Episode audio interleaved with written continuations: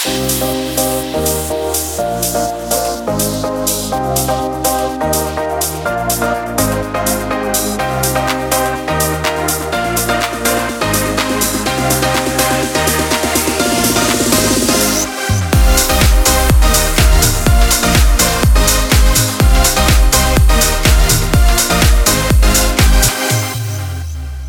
Filippa! Hallå. Hej! Hej, hur mår du?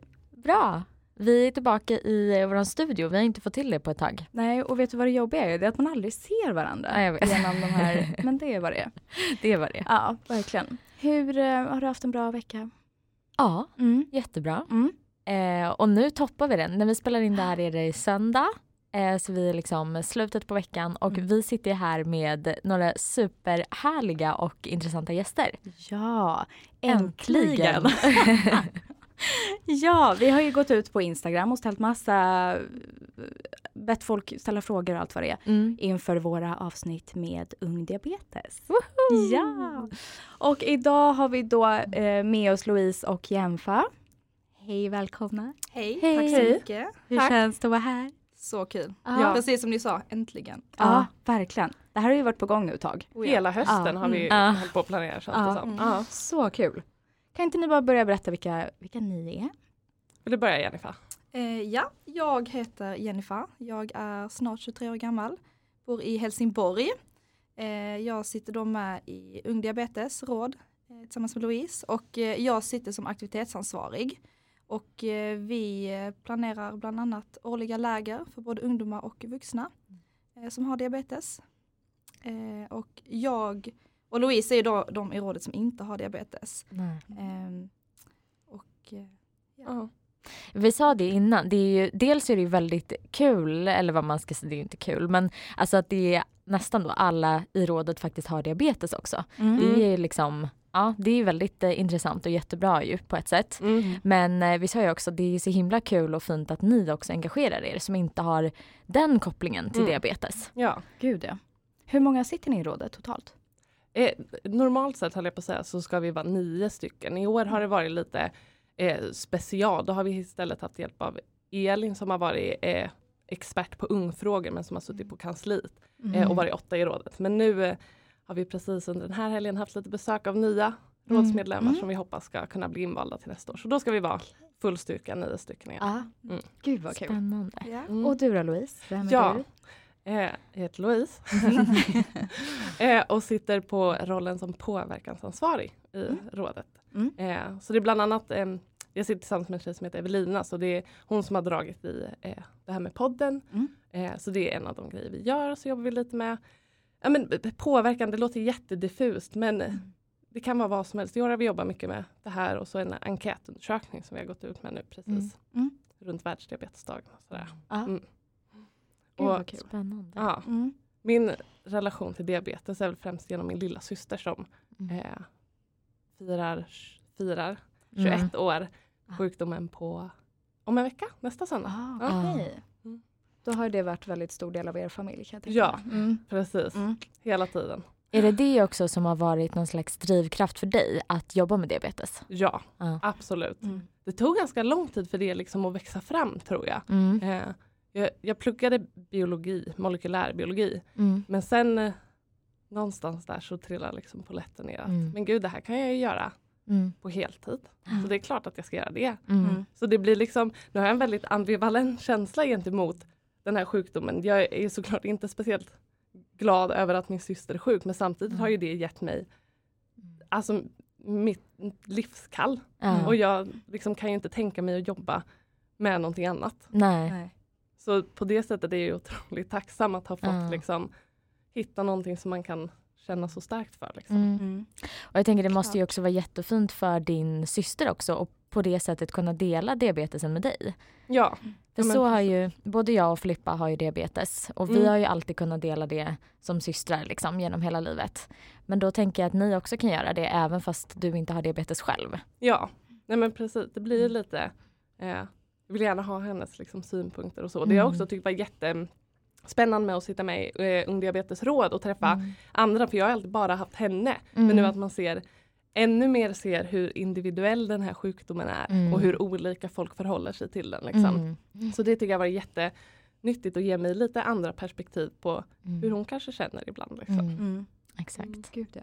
Och Jenfa, du har också anhöriga som har Ja diabetes. precis. Mm. Eh, Jag har min mamma som har diabetes typ 2.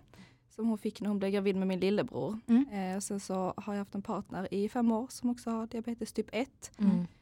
Eh, och sen så har jag också varit elevstöd till en elev då som har diabetes typ 1. Mm. Mm. Eh, och det, han går i eh, eh, grundskolan då, i Mm. eh, lågstadiet. Och vad har du, hur har du liksom känt för sjukdom? Alltså att se det liksom utifrån.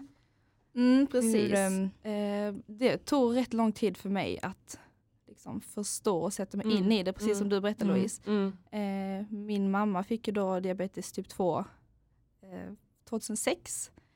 Eh, och jag har ju inte haft någon koll alls. Nej. Mm. Jag har inte haft någon koll överhuvudtaget om jag ska vara helt ärlig. Mm. Hon har knappt själv haft koll om jag ska vara Mm. ärlig med det. Eh, Mm. Så att det är liksom nu på, ja det var faktiskt när jag började jobba som elev, eh, alltså som resurs som jag Mm. satte mig in i det. Eh, och då hade jag varit tillsammans med min partner i tre år. Eh, jag hade ju liksom koll, jag mm. visste ju, jag brydde mig liksom och hade koll på honom men Mm. det var först när jag började jobba som resurs som jag verkligen fick en inblick i hur det är. I och med att Mm. jag var den som fick ta hand om. Hade ansvaret. Liksom. Jag hade Mm. allt ansvar. Eh, Mm. Jag fick se liksom toppar, dalar, jag fick se allt. Mm. Jag var liksom på hans sida hela tiden. Mm. Mm. Så att det var först då som jag verkligen kände att jag ville engagera mig och Mm. hjälpa Mm. till. Mm. Ja. Vad fint. ja men verkligen. Vi har ju pratat ganska mycket, eller ja, jo men ganska mycket om just diabetes i skolan. Mm. och på vilket sätt man kan få hjälp och stöd och hur Mm. det här har förändrats. Eh, för när du och jag fick diabetes Filippa så fanns det ju inte något slags elevstöd i skolorna Nej. alls. Nej. Jag har aldrig haft någon slags resurs. Mm. Du hade det på prov. Men Ja, det var ju så kort tidigt period. kanske, det funkade inte så bra. Nej. Men det, alltså jag har ju haft diabetes i vad blir det, 23 år nu, sen jag var ett år. Och du i, sen du var tre år, Ja, 24 år. 24 Mm. år. Mm. Och när jag, eh, jag, det har jag berättat om många gånger i podden, men när jag eh, skulle börja dagis Mm. så blev jag ju nekad dagisplats. Just för att jag hade diabetes och ingen vågade ta hand om mig. Och våra Mm. föräldrar hade möte med kommunen jättemånga gånger för att liksom, de försökte stå på sig och Ja. så här, mitt barn måste få gå på dagis såklart. Ehm, men det var en himla process tills Mm, de till slut, okej vi kan försöka se om någon kan ta ansvaret över henne. Mm, Men det var, mm. det var inte lätt.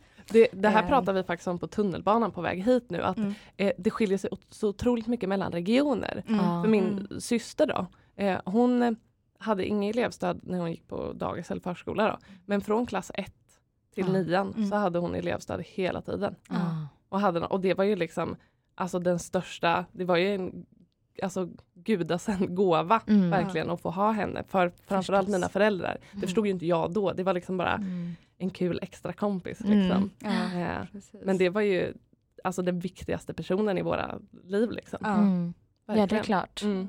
Och det är ju så bra att den hjälpen finns nu. Ja. Mm. Ehm, och det känns ju också som att det har hänt så otroligt mycket inom det området. Just med tanke på min dagiserfarenhet där. Mm. Och, Mm. ehm, jag tror, när jag väl fick min dagisplats så fick min mamma gå upp typ två gånger per dag till dagis för att liksom kolla mitt blodsocker och Mm. liksom se till. För det var ah, ingen som ville ta så pass mycket ansvar liksom för det. Mm. Men sen blev jag ju erbjuden en resurs. Vad kan det vara? Låg, var- mellanstadiet, Ja, lågstadiet eller Du något gick sånt i där. skolan då. Ja. Mm. Men då hade man ju redan lärt sig att ta hand om sig själv. Ja. Alltså just för Mm. att då var man ju i skolan och visst hade ju vi lärare som fick åka till våra sjukhus och få liksom lite grundkurser Utbildning. och sådär. Ja. Ja. Men eh, när man väl sen blev erbjuden det på riktigt då behövdes det liksom inte längre. Nej. Så, då hade man mm. väl kommit på liksom eh, hur vi skulle göra eller hur våra föräldrar skulle göra för att Mm. det skulle funka utan resurs. Mm. Eh, och redan kommit, eller liksom knäckt den nöten och gjort det bästa av det liksom. Mm. Men eh, Det känns Ja. så orimligt att det ansvaret läggs på ett så ändå fortfarande litet barn. Mm, Ja. verkligen. Alltså, Absolut. och eh, precis som vi pratade om igen på tunnelbanan här att, att eh, jag tror att det kan vara bra att ha en sån resurs för att inte bara det här att mäta blodsocker men liksom att bolla andra tankar också och Mm. svårigheter som liksom säkert dyker upp även när man är liten. Liksom. Mm. Under skoldagen och sådär. Att Ja, man har någon att precis. prata med. Lite. Ja. Mm. Ja, det är jätteviktigt. Verkligen. Men hur blev du elevstöd då? Ehm, jag var till en början barnvakt till den Mm. här, eh, den här killen då. Mm. Eh, och sen så, så jag, som jag berättade Mm. för dig på tunnelbanan, Mm. eh, att allt bara liksom föll samman så bra. Mm. För att jag vid den här perioden då ville byta jobb. Mm. Och eh, den här killens eh, resurs skulle vara, gå på mammaledighet. Mm. Och då så blev det bara att det var så självklart att jag skulle vara där. Liksom. Jag hade mm. en kompetens att ta hand om hans diabetes och Mm. älskar barn, Mm. mm. ville testa på att jobba på skola. Så blev det bara så. Mm. Gud vad bra. Mm. Och det har gett mig så mycket erfarenheter och jag är, jag är så tacksam Mm. att jag fick den chansen.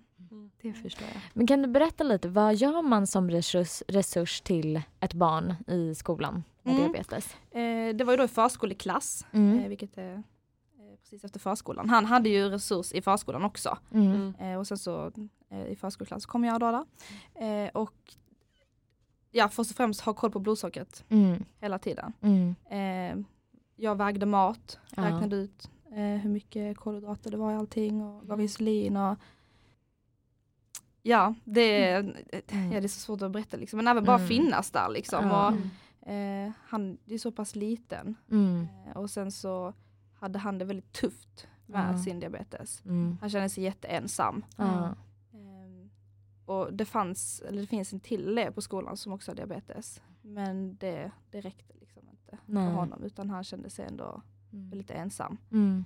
Ehm, och det var väl det som fick mig att liksom, känna så mycket. Mm. För att han hade det så tufft. Mm. Redan när man är så liten. När liksom. man är Ja. så liten, när man är Ja. liksom 6-7 år gammal och bara känner att Mm. livet är det finns ingen mening med livet för att man har diabetes. Mm.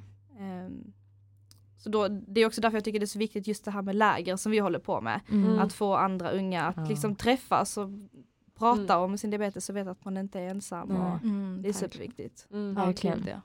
Och Ja. de sådana läger har ju vi också så bra erfarenhet Mm, ifrån. Det är ju verkligen. verkligen. något som jag eh, rekommenderar alla att åka på. Alltså så, Ja. så bra. Det var ju också vår, vår tredje part i podden, Sandra, som inte Mm. är här.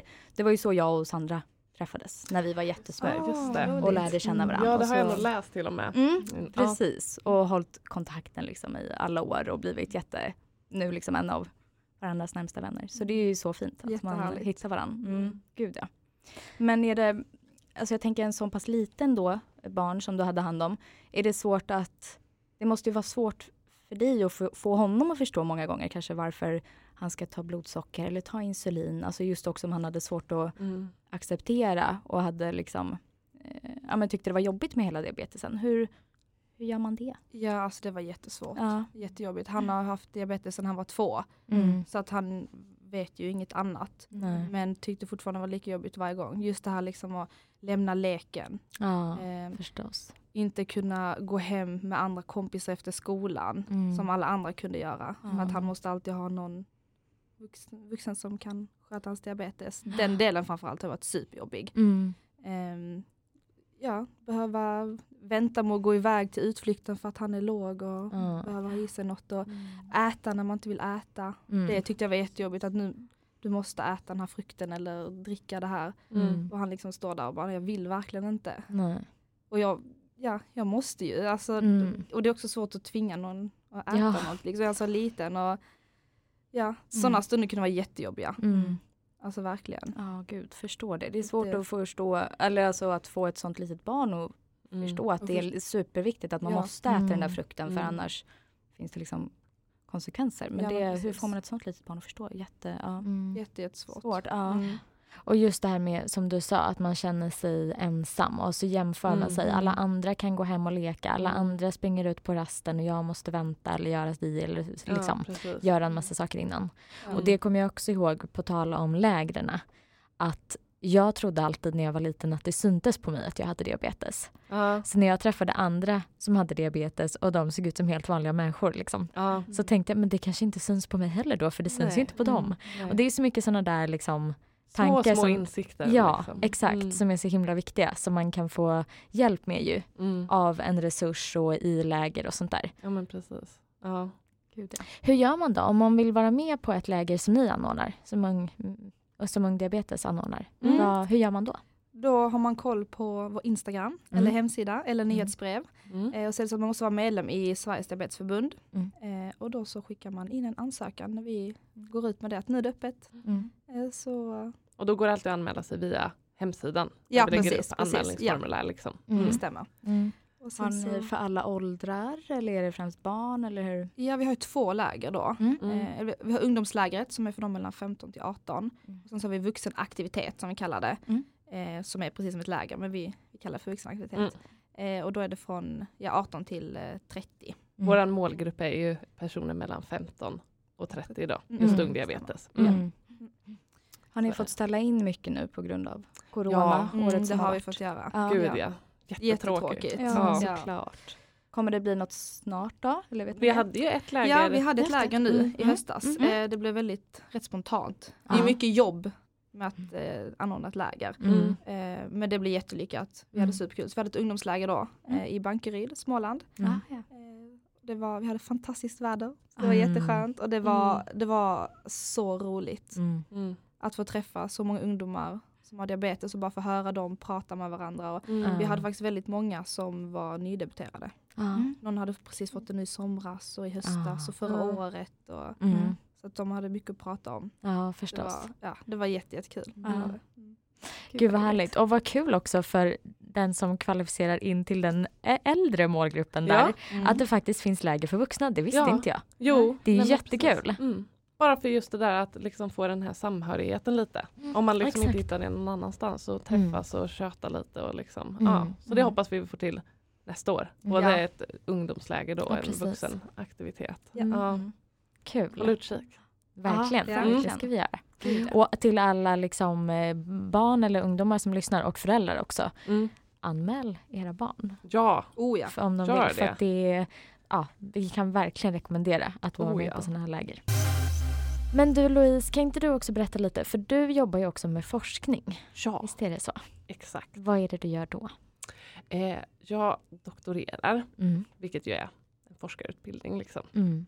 eh, i en forskargrupp på Uppsala universitet som eh, då studerar etiologin bakom 1-diabetes. Alltså man försöker titta på eh, hur, varför uppstår sjukdomen? Vad är det som händer? Mm. Hur ser, hur ser det ut i det här organet när sjukdomen har uppstått? Liksom? Mm. Försöker vi förstå vad det är som blir fel. Liksom. Mm.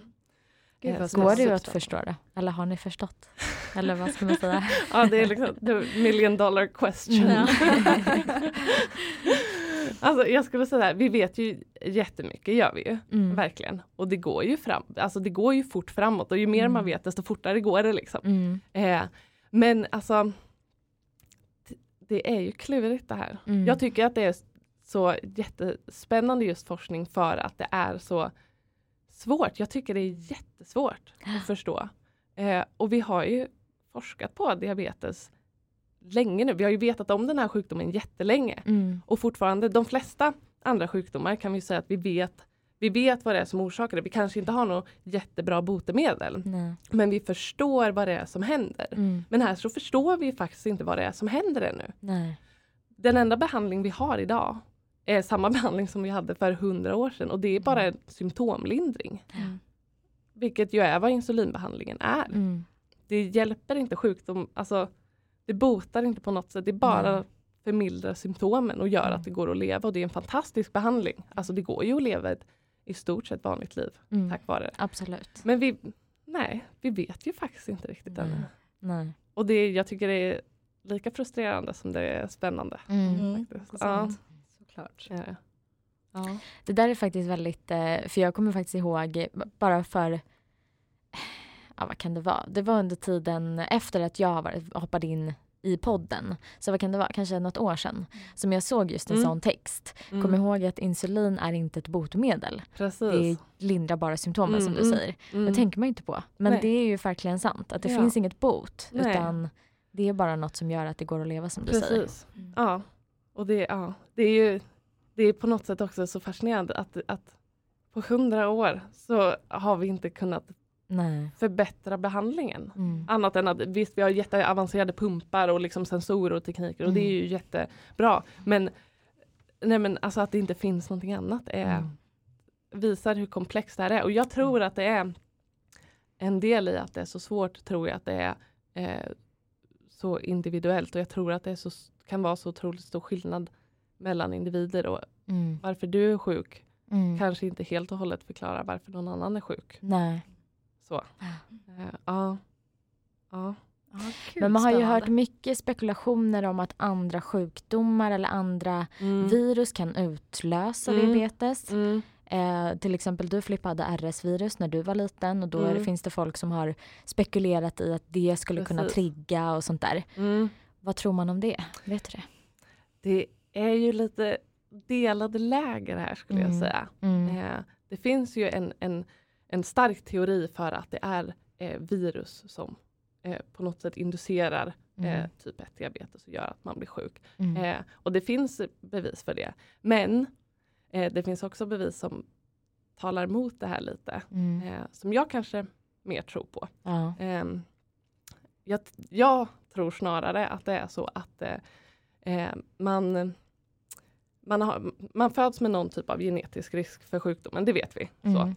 Eh, sen tror jag att eh, det kan finnas andra anledningar till att eh, man får typ 1-diabetes och att det ofta råkar eh, krocka med att man har en annan infektion. Ja. Säg att du till exempel föds med en mindre pankreas. Vi vet att personer med typ 1-diabetes, pankreas är ett annat ord för bukspottkörteln Mm. förresten. Okej. Ja. Mm. Mm. Eh, man föds med en mindre bukspottkörtel som eh, en person med typ 1-diabetes. Är det samma sak personer som är släkt med personer med typ 1-diabetes Ja. har ofta också en mycket mindre bukspottkörtel. Ja. Så jag som ett syskon har förmodligen en ganska liten bukspottkörtel.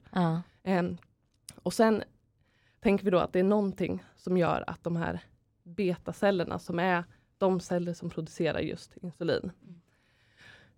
De, klarar, kanske- de fungerar inte riktigt, de klarar inte av att producera det här. Och sen mår redan dåligt, är ganska få, det är tufft att försörja den här kroppen med eh, insulin. En kropp, ofta, många får ju eh, diabetes när de är barn eller kanske i tonåren och då har man ju också en kropp som växer väldigt mycket. Mm. Eller hur? Mm. och som då hela tiden kräver mer insulin och Mm. att betacellerna jobbar hårdare och mer och producerar mer insulin. Mm. Sen om de då redan är stressade och fungerar lite dåligt så får du en infektion av något slag. Mm. Ni vet ju säkert att när ni är sjuka nu så krävs det ofta att man tar lite extra insulin för att greja. Mm. Så är det ju även hos någon som är, är frisk. Liksom. Att må, Mm. mår jag dåligt så krävs det kanske lite mer insulin. Mm. Då är de här betacellerna som redan är stressade och i ett dåligt skick och så kommer Mm. en infektion också så Mm. kräver det ännu mer insulinproduktion. Mm. Då debuterar du. För att då pallar de inte. Mm. Hade du inte fått infektionen då kanske du hade debuterat ett halvår senare för då hade de orkat lite till. Men nu med infektionen och det ökade kravet på eh, insulinproduktion, Mm. då grejer de inte det. Nej. Och många som eh, diagnostiseras har ju ofta en sån här honeymoon-fas Mm. eh, Mm. efter att man debuterat. Eller? Eh, och tänk då om du debuterar i samband med en infektion. Mm. Sen så klarar vi av infektionen, vi blir friska igen. Men då sänks ju klar, insulinkravet, eller hur? Mm. Och då orkar helt plötsligt betacellerna med lite till. Mm. Mm. Och då får du alltså en fas där du inte behöver ta så mycket insulin. Mm. Och sen när det gått då några månader till eller ett halvår då du kanske annars hade debuterat om du inte fått en infektion. Mm. Ja men då är honeymoon-fasen över och vi måste börja öka insulindosen. Mm.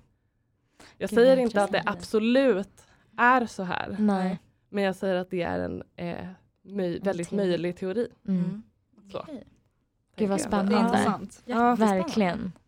Men då ligger liksom, för det pratas ju också jättemycket med ärftlighet. Mm, Eh, och liksom vart det kommer ifrån och det är Mm. ökad risk om pappan har diabetes och inte Mm. om mamman och hit och dit. ja. Skulle du säga att det hänger ihop då om det som du säger också att anhöriga eller släktingar också har mindre bukspottkörtlar? Mm. Ja, alltså det är klart, det, det finns ju någon typ av genetisk Mm. ärftlighet och liksom även syskon till personer med typ 1-diabetes, skulle de få barn så har ju de en lite ökad risk. Liksom. Mm. Eh, sen vet inte jag faktiskt exakta procenten hit och Nej. dit. Så. Eh, men så är det ju Mm. tyvärr. Liksom. Mm. Dock är ju ärftligheten större vid typ 2 diabetes. Mm. Där väger det in mycket mer än vid typ 1 diabetes. Mm. Liksom. Så är det ju. Ja. Ja, det där är ju en intressant, just det här med Mm. ärftlighet, för där tycker jag man hör så olika från alla Ja. håll. Ja. Och vi Mm. hade ju en, eh, vi har haft en barnmorska med i podden Mm. eh, som är eh, specialiserad på diabetes, alltså typ 1 diabetes och graviditet. ja, precis. Och hon sa väl att um, alltså förr i tiden så typ rekommenderade man inte typ 1 diabetiker, kvinnor, Mm. att bli gravida och föda barn. Mm. Och därav är siffrorna mycket lägre på kvinnor. Mm. Alltså att man tror att ärftligheten är lägre om mamman har diabetes än om pappan. Mm. Var för att k- inte lika många kvinnor med typ 1 fick barn. Ja. Typ sånt här. Och det är också jätteintressant. Ja. Om Ja. så här, de siffrorna Verkligen. kanske bör liksom uppdateras. Ja. Det vore intressant att se. Liksom, Ja, vad det borde som, någon göra Ja. en studie En på studie. också. Ja, ja, verkligen. verkligen. Ja. Och se om det fortfarande är något Mm. samband. Liksom. Ja. Gud ja. Ja, jätteintressant. Men vi fick in en fråga på podden om, för just det här med vaccin Ja. mot typ 1 diabetes Ja, är ju på gång vad jag Mm. förstått. Ja. Eller det forskas om och ja men precis. Är det absolut. något ni håller på nej, med? nej, kollar faktiskt inte eh, min grupp på specifikt. Så. Nej. Eh, men det är väldigt hett just nu. Liksom. Ja. Mm. Eh, och jag såg där i samband med frågan att, eh, jag vet inte om det var ni eller vi som fick in, att det var någon som frågade om de tror att eh, om vi väl får ett vaccin att man kommer sluta forska för då har vi liksom då kommer inga fler behöva bli sjuka. Liksom. Mm. Nej, men Så. precis. Eh, men det, jag tror inte att det finns någon liksom, jag tror inte att från forskarvärldens håll att intresset för att förstå hur det uppkommer kommer minska överhuvudtaget även om det kommer ett vaccin. Mm. Utan då handlar det nog mer om eh, donationsvilja från Mm. allmänheten. Mm, och det är ju just mycket liksom, donationspengar som driver eh, forskningen. Liksom. Och så Mm. här, man kan söka forskningsanslag från Diabetesförbundet och massa andra ställen. Liksom. Mm. Eh, men jag tror mycket forskning är ju liksom alltså grundforskning och de flesta drivs ju bara av en, en liksom genuin nyfikenhet. Ja. Alla som forskar om diabetes har ju inte en personlig relation till det liksom, utan Mm. är bara men genuint nyfikna på att Mm. förstå kroppen och funktionen av vad det är som händer. Mm. Och det ändras ju inte eh, för att vi hittar ett vaccin. Då vill man ju fortfarande förstå varför Mm. sjukdomen uppkommer. Mm. Och just från sjukvårdens håll tänker jag att det är fortfarande så många som har diabetes Mm. och eh, en jättestor kostnad Mm. är ju era behandlingar Verkligen. och också behandling mot vid komplikationer och sådana saker. Så från sjukvårdens håll finns nog fortfarande också jätteincitament till att Mm. bota de som har också för att de kostar ju jättemycket. Mm. Med all rätt, Mm. men liksom jag tror att Ja, ja, det enda som kanske skulle minska om man hittar vaccin är donationsviljan tror jag. Mm. Eh, Men där får ju liksom till exempel Diabetesförbundet och andra sådana aktörer i så fall jobba väldigt hårt för att lyfta att liksom, Mm. okej vi har i så fall löst en del men det är en väldigt stor del kvar Mm. och det är inte okej att det fortfarande att de Nej. ska fortsätta leva med det här bara för att vi Mm. löste en halva liksom. Och jag tänker också, ah, nu jag är verkligen ingen expert på sånt här, men jag tänker att vaccin kostar ju också pengar och löser man Mm. frågan om hur eller vem eller varför man får Mm. diabetes så vet man kanske också vilka som bör få vaccinet. Ja, Så på något sätt hänger det väl ändå ihop jo men kanske det tänker jag. absolut. Det är klart. Mm. Absolut. Så ja, nej men det tror jag att det, forskningen kommer ju, eh, forskarna kommer vilja fortsätta i alla Mm, fall. Det är jag mm. helt övertygad om. Mm. Mm. Det finns så mycket man kan titta på liksom, och som Mm. fortfarande är jätteintressant att försöka förstå. Liksom. Mm. Ja, Ja. jag. Jag som är helt utanför forskningsvärlden Mm. men som har diabetes. Mm. Jag upplever ju att alltså, det ligger mycket krut i att förbättra liksom, hjälpmedel, vilket är ju superbra. Mm. Men du som är liksom i forskarvärlden, ser du, för det går, det är, ibland snackas det ju mycket om att så här, de här företagen som Mm. eh, håller på med diabeteshjälpmedel, pumpar och allt sånt, att de tjänar ju såklart mycket pengar och att Ja. därför kanske de lägger mycket krut på att mer avancera hjälpmedel än Mm. att faktiskt hitta botemedel. Ja, Vad, vad, du som är liksom i forskarvärlden, Ja. sådär, vad, vad tänker du om det? alltså jag tänker ju, ehm, alltså jag ser ju inte så mycket av företagens perspektiv utan Nej. jag ser liksom vad, vad vi gör och, och de forskare som jag träffar. Ja. Liksom. Eh, och där, ehm, alltså rent forskningsmässigt så eh, tror jag att det är få som gör det här för att de vill bli rika på det utan man gör det Mm. för att man drivs av liksom en nyfikenhet. Ja. Och där eh, det, jag tror också att anledningen till att det inte syns så mycket är kanske för att liksom enskilda forskargrupper som håller på med något specifikt litet eh, gen eller protein som finns i betacellerna som kanske kan ha någon ledtråd. Det är inte jättesexigt alltså. Mm. Nej. Nej. Det når inte så långt Nej. och det är svårt att förstå. Såklart. Det är jättelätt för de flesta att liksom ta till sig att här är en ny pump som du kan koppla till din sensor. Mm. Mm. Skitbra. Men om jag börjar prata om liksom vår senaste transkriptomanalys och den enrichment-analys som visade att estrogen response early pathwayen är uppreglerad vid den här. Ja. Det, nej men hur ska vi Nej. sälja in det? Liksom? Nej. Det, det, är inte, det är inte kul att lyssna på så och det Mm, går inte att ta till sig. Så jag tror att det är mycket att, Nej. att de har också större maskineri och får mer mediautrymme och kan liksom betala Ja. för annonser och sånt. Så det är klart att det syns mycket mer. Mm. För att se all annan forskning bakom då måste man ju liksom ta sig in till universiteten tänker jag på Mm, de här mm. konferenserna. Och det, det finns ju ingen poäng för liksom en alltså vanlig person som råkar ha diabetes och liksom Mm. försöka läsa massa konstiga forskningsartiklar som är jättetråkiga att ta sig igenom. Liksom. Så jag tror det handlar mer om bara Ja. vad som, Kommunikationen. ja men Mm. exakt och vad som Mm. når ut i media och vad som är, går att, att sprida. Liksom. Så. Mm. Jag tror också att eh, vi i forskarvärlden är jättedåliga på att liksom faktiskt sprida det vi gör och få lyfta det. Jag tror att man skulle kunna göra det mycket intressantare och mer spännande men jag tror att vi är jättedåliga. Vi skulle behöva en, en PR-person som liksom Mm. kommer in och hjälper oss eh, sprida det som händer så att man ser, kan följa det lite bättre. Liksom. Mm. Mm. Ja. Precis. Ja men det känns ju skönt att höra i alla fall. Mm, Och verkligen. såklart, det är mycket som sker som man inte ser Ja. som du säger. Mm. ja men precis. Mm. Gud, ja. Gud, ja. Men det låter bra. Du då Mm. Jennifer, som an, både som är anhörig till personer med diabetes och som också har jobbat med anhöriga. Jag tänker föräldrar och familj till den här resursen, eller den, till den som du var resurs åt. Mm. Vad upplever du att de har för känsla kring sjukdomen, hjälpmedel, eventuella botemedel och allt sånt? Mm. Eh, Han som jag var resurs till, eh, hans föräldrar har ju varit, de har ju stenkoll på allt. Mm. Varit väldigt insatta sen dagen det hände, Mm. eh, är väldigt, väldigt noga.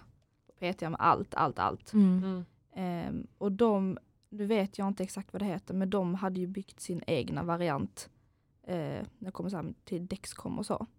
Ehm, som inte är liksom accepterat av lä- Ja. läkaren eller vad man Nej, säger. Nej, så här, ja, nej. jag vet att det är många som gör sådana här grejer. Mm. Mm. Lite Ehm, fuskbyggen. Ja men precis. Mm. Eh, och det funkade ju jättebra för honom. Mm. Ehm, sen så tror jag att de har fått släppa det nu för att det har kommit nya grejer och så. Mm. Men de har ju haft under flera år och det har funkat jättebra.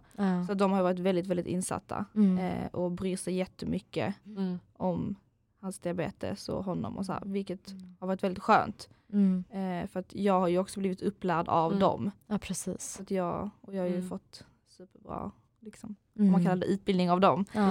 Mm. Ehm, Hur tycker du är, för att som resurs då så tänker jag mig att du dels måste bemöta eleven eh, och alla hans liksom, tankar och oro och den här känslan av liksom, orättvisa och allt som vi pratade om. Men också kanske familj eller anhörigas oro och liksom ångest kanske kring det här och också kanske känsla av att det är orättvist att just mitt barn skulle drabbas. Ja. Liksom. Hur bemöter man det? Ja, det är svårt. Jag har alltid haft väldigt bra relation till föräldrarna. Mm. Alltså superbra relation och de har alltid litat på mig. Mm.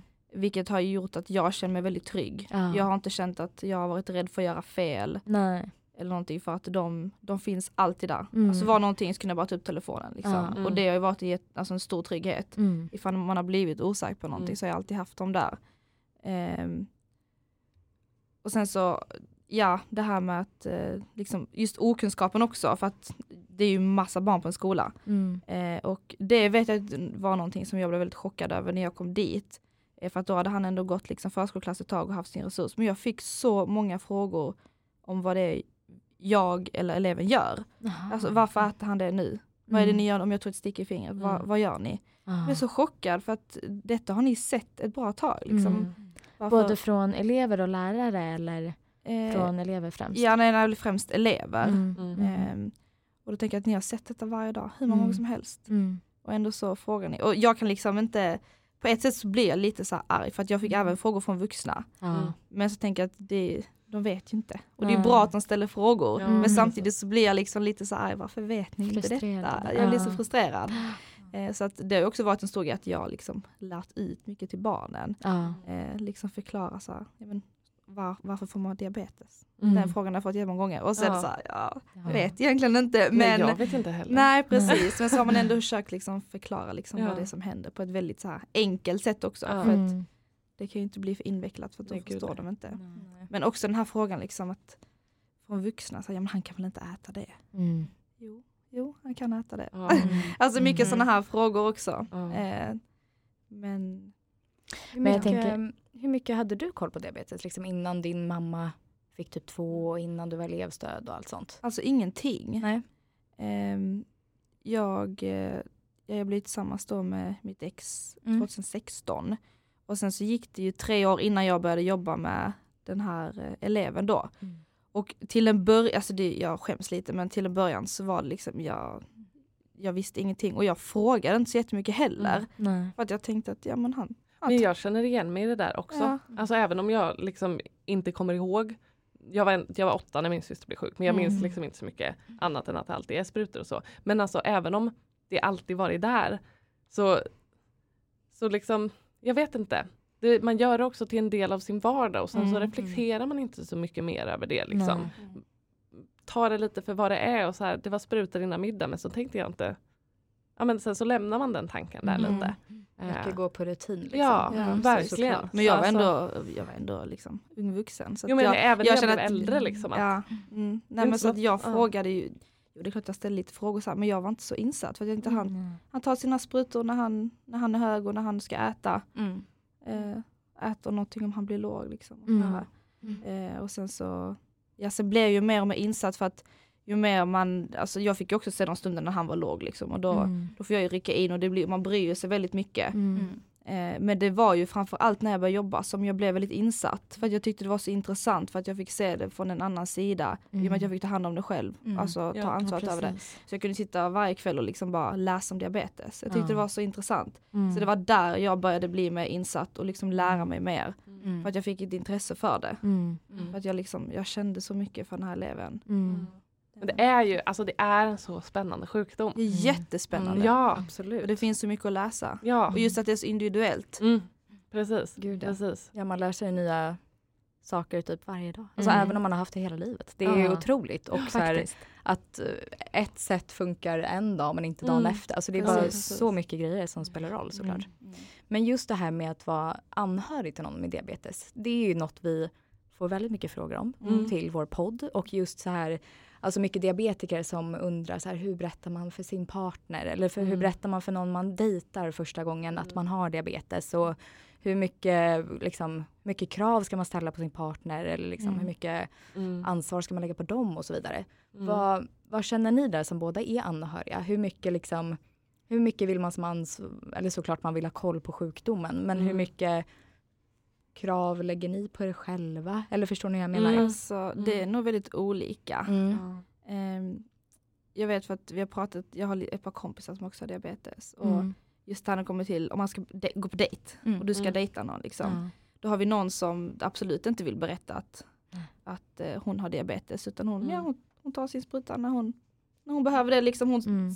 gör ingen stor grej av det. Mm. Men så har vi någon annan som liksom berättade innan så att de vet kanske för att, Mm. jag vet inte, vissa är ju lite rädda för Ja. nålar och sånt. Ja, jag vet Ja. inte. Eh, Ja. Så att det, det är liksom väldigt olika, men jag känner ju att oavsett liksom vad det är för sjukdom eller vad det handlar om, om jag ska umgås med någon så kan jag ändå känna att händer någonting, oavsett Mm. vad det gäller, så kan det Mm. ändå vara skönt för mig att bara veta vad jag ska Mm. göra. Så att inte jag Mm. står där om någonting händer och sen så Mm. vet man inte vad man ska göra. Liksom. Eh, Verkligen. Ja precis. Jag kan nog känna liksom med min relation till min syster att det är helt och hållet upp till henne. mm. Mm. Alltså jag känner att jag, nu, nu kan, eftersom att jag alltid levt med sjukdomen och eftersom att jag jobbar med sjukdomen och sådär så Mm. ja, eh, kan jag ju det mesta så. Men jag känner det får alltid komma ifrån henne. Mm. Alltså att eh, om hon inte vill dela då skiter vi i det liksom. Eh, jag tycker det är svårt att, eh, att eh, gå på för mycket. Liksom. Och sen är Mm. man ju alltid liksom lite orolig Mm. och det tycker jag är det jobbigaste att liksom parera att man Mm. inte vill vara man, man, som du säger, man vill ju visa att man bryr sig såklart. Liksom. Mm. Men man vill ju inte vara Man vill inte vara jobbig. Nej, Nej. precis, precis. Och det, det pratade vi lite om eh, igår jag och en annan tjej på rådsmötet det här att idag kan man ju ofta em, följa eh, i telefonen liksom hur blodsockret ligger Mm. och att då kanske liksom också ens anhöriga kan följa blodsockret på gott och ont. Mm. Mm. Att det blir också ett, ett em, litet kan jag känna som, jag följer inte min syster och jag vet inte om hon skulle vilja det. Det blir på något sätt ett inkräktande i hennes privatliv skulle jag känna. Mm. Mm. Samtidigt som är en dag när hon inte svarat i telefon på hela dagen och mamma inte pratat med henne och sådär. Då börjar man ju direkt tänka och då Ja. hade det varit gött att kunna gå in och liksom se, ja, men vi ligger stabilt på åtta eller Mm. någonting. Liksom. Mm. Exakt. Men det är ju verkligen en svår, eh, svår balans samtidigt som jag tror att jag försöker oftast landa i att liksom, hon är ju experten liksom. Mm. Och alla som har sjukdomen själva, de vet. Ja. Alltså ni är bäst på det. Ja, de känner Och sig ni bäst är, själva. ja, Mm. verkligen. Och så, eftersom att det är så individuellt så liksom, jag kan inte säga någonting till henne om, alltså nej hon, hon kan. Hon Ja. Det gäller Mm. bara att försöka lita på Ja. personen. Liksom. Mm. För jag, ja, jag hade ju en, alltså när jag då började jobba som Mm. resurs och blev väldigt insatt och läste på eh, så fick jag ju som sagt upp ögonen väldigt mycket. Mm. Och jag blev ju då den här jobbiga mot Ja. min partner. Mm. För att nu hade jag ju helt plötsligt koll på så himla mycket. Mm. Och liksom då kan jag vara så här, ja men du är på väg att bli låg nu, ät någonting nu innan du blir för låg. Mm. Och sen så blev det liksom för mycket. Men Ja. det var ju för att jag brydde mig så mycket och nu hade jag ju koll, jag visste och jag Ja. liksom kunde se till. Och det blev ju jättejobbigt för Mm. honom. Han, han är en vuxen människa liksom, ska han ha någon som säger till honom hela tiden att Mm. gör nu detta och ta nu detta och jag har nu koll på detta och detta och detta. Och han har ju haft diabetes sedan han var jätteliten. Mm. Mm. Så att han, och han känner ju sig bäst själv precis som du sa. Ja. Och då blev det ju, ja, att man Mm. var den här jobbiga liksom. Mm. Mm. Och sen så ett tag efter så insåg jag ju liksom att det funkar ju inte. Ja. ha det så här. Mm. Och då blev det att man blev lite mer lugn också. Mm. Eh, men ja, när just det var den här jobbiga som, Ja, det, Mm. det är ju jättesvårt. Och Mm. det, jag tror det blir väl bara liksom Men just tyvärr att hitta balansen. Ja, Mm. Ja, att som du säger om, om din syster inte hade svarat och så, det är klart att du blir orolig. Du hade velat veta liksom att Ja. ja. men kan jag kolla via Mm. telefonen var hon Mm. ligger. Mm. ja men precis. Men ja, att hitta den här balansen. Det, Mm. Ja. ja, det är verkligen en fin balans där. För Ja. det, både jag och du Felicia, vi är väldigt öppna. Typ Mm. jag, alltså en första dejt, jag kan berätta. Det är inga, alltså så här, Ja. jag Mm. skäms inte, men det är många som gör det tyvärr. Mm. Men Mm. det är ju för det första absolut inget att skämmas över. Nej. Och sen också som, som du sa innan att så här, jag tänker att det är för allas trygghet. Man också typ Mm.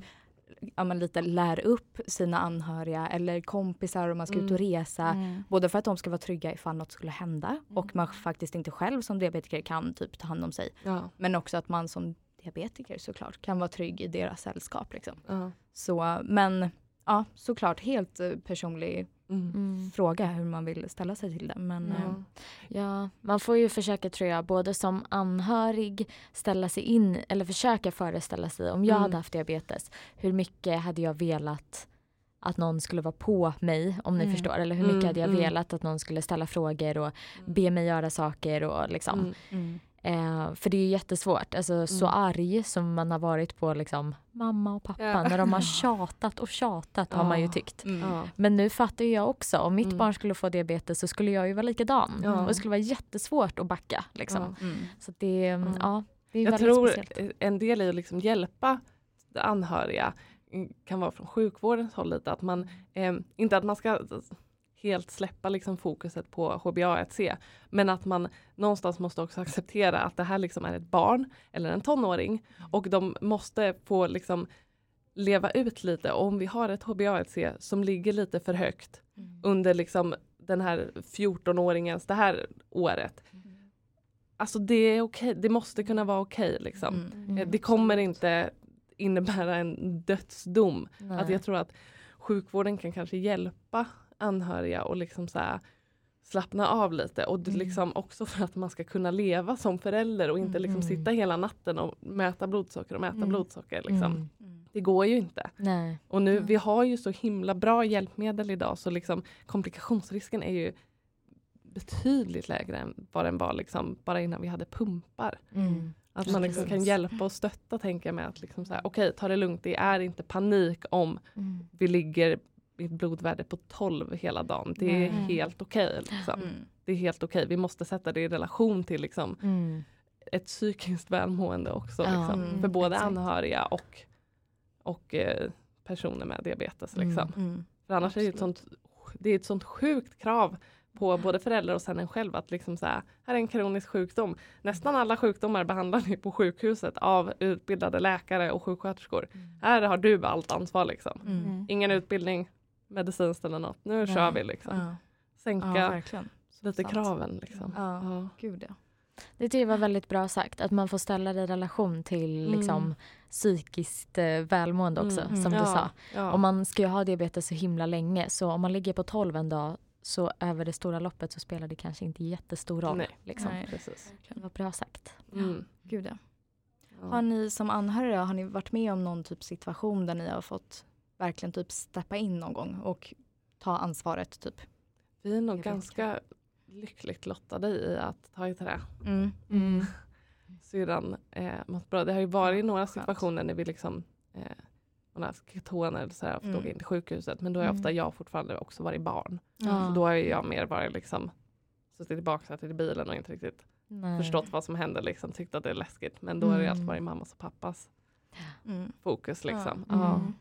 Mm. Det har varit en gång som jag var, alltså blev så här rädd Mm. riktigt. Och det var när eh, jag var resurs då. Eh, och jag fick inte ner elevens blodsocker. Nej. Mm.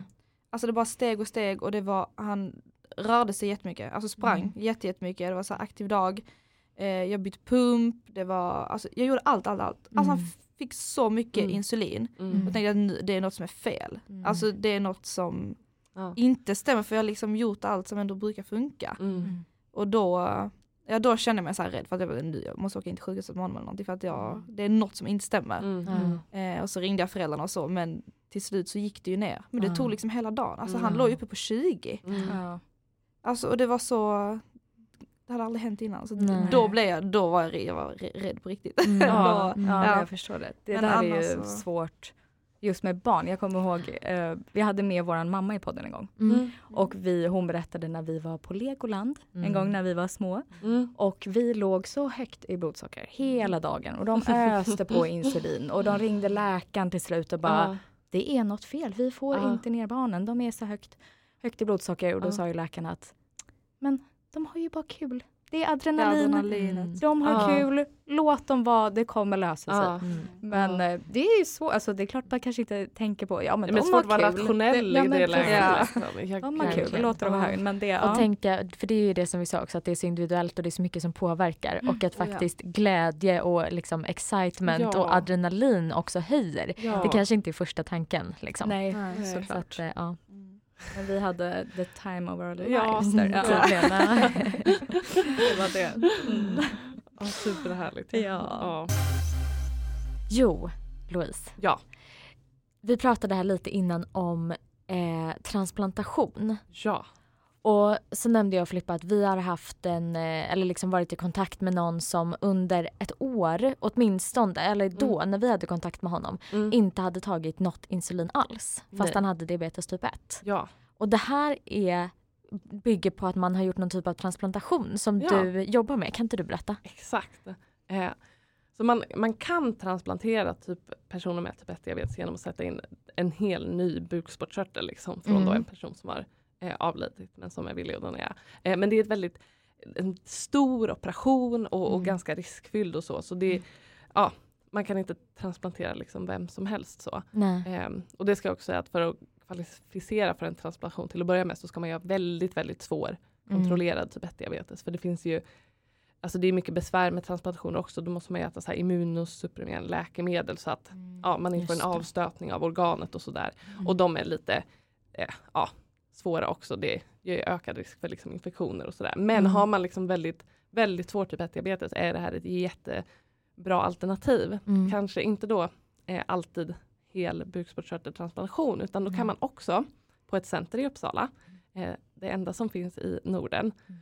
eh, så tar vi emot organ och eh, så genom en mekanisk och enzymatisk process så eh, luckrar man upp det här då bukspottkörteln och så renar man fram bara de här öarna som innehåller de celler som producerar insulin. Ja. Och sen så kan man transplantera då bara de här öarna. Ja. Och det är ett superlitet ingrepp som man gör på röntgen med röntgenläkare. Man sätter bara en liten kanyl Ja. i ett blodkärl och så pumpar man in det i levern.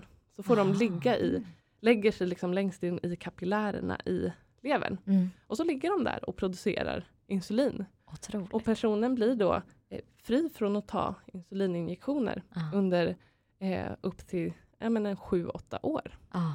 Sen Gud. tyvärr så dör de här cellerna efter lång tid. Men det är en väldigt lång period som man Mm. potentiellt Ah. kan bli fri Mm. från att kolla blodsocker och ta insulin. Och det är ju, är ju så bra för liksom om man har svår diabetes så ökar ju risken för komplikationer. Men det Ah. kan man ju liksom minska drastiskt genom Ah. att få en sån här transplantation. Mm. Och man kan få upp till tre såna här transplantationer. Ja. Så då kan man ju potentiellt vara insulinfri under väldigt lång tid. Ja. Gud Det är helt häftigt. fantastiskt. Ja. Alltså, för, alltså tanken på att inte behöva kolla blodsocker eller ta insulin Mm. på flera år. För att då få en Ja. sån paus bara. Mm. Ja. Exakt. Gud ja. Och det är så få som känner till att det här finns och det tycker Ja. jag är synd för att det är, en, det är ett jättebra alternativ om man Mm. har så svår Mm. diabetes. Mm. Liksom Jag har en fråga. paus. Ja, Vad betyder svår diabetes? Vad alltså att du har eh, jättefluktuerande blodsocker. Liksom. Mm. Eh, och ofta att man har eh, kanske liksom hamnar i koma ofta, har jättelåga blodsocker, jättehöga blodsocker. Det spelar liksom ingen roll vad du gör, du kan ha bästa inställningen på allt. Det går liksom inte att få Nej. ett stabilt blodsocker, jättehögt HbA1c, att det är liksom extremt svårkontrollerat. Mm. Många av dem som vi har transplanterat, vissa har ju liksom inte kunnat arbeta utan har Nej. varit sjukskrivna på grund av sin diabetes. För att Ja. det, det går liksom inte att ta sig igenom en arbetsdag. Nej. Och då är man ju absolut kvalificerad för någonting sånt här. Mm. Men hur ska man göra då? Om man lyssnar på det här Mm. och känner igen sig i den här beskrivningen att man Mm. har svår diabetes. Mm. Ska man vända sig till sin läkare då för Ja. att se vad det finns för möjlighet till transplantation? Eller hur går man Jag tycker tillväga? absolut att man kan prata med sin läkare och även Mm. om man inte tror att man kvalificerar så tycker jag att man kan prata med dem och bara Mm. liksom höra sig för lite vad det är och hur det går till. Och liksom, Mm. eh, om inte annat för att liksom vi ska Jag tycker alla som har diabetes ska ha rätt att veta att det här, det här finns ändå. Mm. Den här typen av behandling finns. Liksom. Ja. Mm. Eh, Men som sagt, man ska inte, man ska inte, det är inte alltid, har man inte jättesvår diabetes så är det inte, Nej. det finns ju risker med att äta såna här läkemedel som man måste ta när man är transplanterad också. Så det liksom gäller ju att väga det mot eh, hur svår diabetes man har. Men jag tycker absolut man kan diskutera med sin läkare. Mm. Mm. Det skadar aldrig fråga liksom. Nej, verkligen. Gud, vad Väldigt häftigt. intressant. Ja. Jag har alltid funderat på varför man bara inte transplanterar en bukspottkörtel. Ja, Mm. Ja, det- men precis. Det är det kan därför man ju liksom. Ja. Och jag, men jag har misstänkt att det kanske är då att kroppen typ stöter bort den igen. För att man, den, kroppen har väl typ stött bort den Ja, man har. Om man mm. gör liksom en hel bukspottkörtel. Precis. Men det här är ju en precis. otrolig teknik Ja. då. Precis. Och folk som, eh, när, om man transplanterar då eh, en hel, hel pankreas, då så är Mm. man ju ofta frisk. Ja. Frisk resten av livet. Liksom. Ja. Mm. Så det går ju. Mm. Men de här då, eh, om man då, den här processen som Ja. du sa, om man tar ut liksom celler typ Mm, eller vad det är och precis. inför dem i kroppen. Mm. De då får igång insulinproduktionen. Precis, de lägger sig i, sätt. i levern, Ja. i blodkärlen där och så ligger de där och funkar helt som vanligt. Det blir som en liten mini bukspottkörtel som bara Mm. råkar ligga i ett annat organ. Liksom. Ja. Men funkar på precis, precis samma sätt. Liksom. Mm. Det är otroligt. Ofta följer man ju fortfarande de personerna och kollar liksom, Mm. kanske Mm. blodsocker emellan. Och man har ju läkarbesök och följer upp så att det funkar som det ska. Men Mm. man får ju en paus. Ja. Men hur Alltså, länge har man, otroligt. för som du berättar Felice, den här personen vi vet, jag tror att han var med i någon slags försöks... Eh, tidig Mm. Kanske precis. grupp Mm. så. Ja. Det låter jätterimligt. Mm. Det var min professor Olle Korsgren som startade upp det här Mm. eh, labbet där vi gör det här i Okej. Uppsala. Mm. Eh, Åh gud, nu ska vi se. Ja, det är ganska länge sedan nu. Ja. Ja, jag vågar faktiskt inte säga hur länge Nej. riktigt Nej. vi har hållit på. Men eh, säg för en 15 år sedan. Sådär. Mm, Ja, mm. något sånt säger vi.